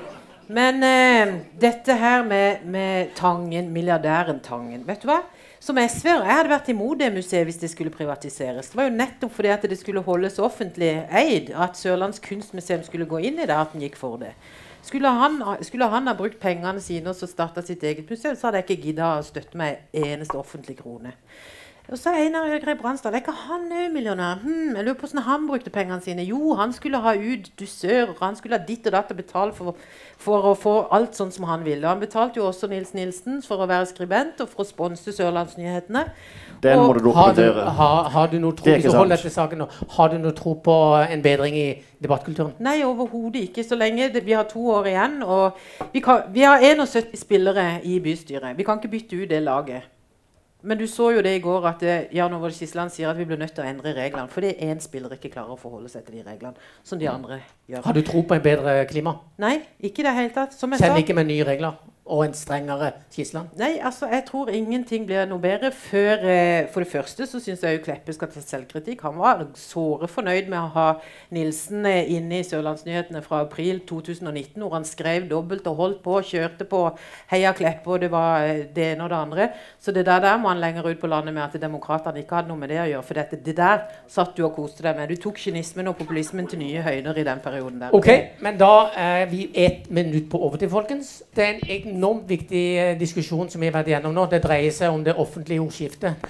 Denne debatten må fortsette oss uh, ute i samfunnet, blant dere og andre, og en bevisstgjøring av uh, hva man hører på. Og da sier jeg sjølkritikk, sjølkritikk, sjølkritikk og kildekritikk, kildekritikk, kildekritikk. Det å lære seg til å drive kildekritikk, være kritisk til det du hører, vurdere det, og så eh, kan det bli en, eh, et bedre deba- deba- debattklima, forhåpentligvis. Slik at Kristiansand bystyre kan bli en, også en enda mer sivilisert arena. Takk for uh, frammøtet, og vel hjem.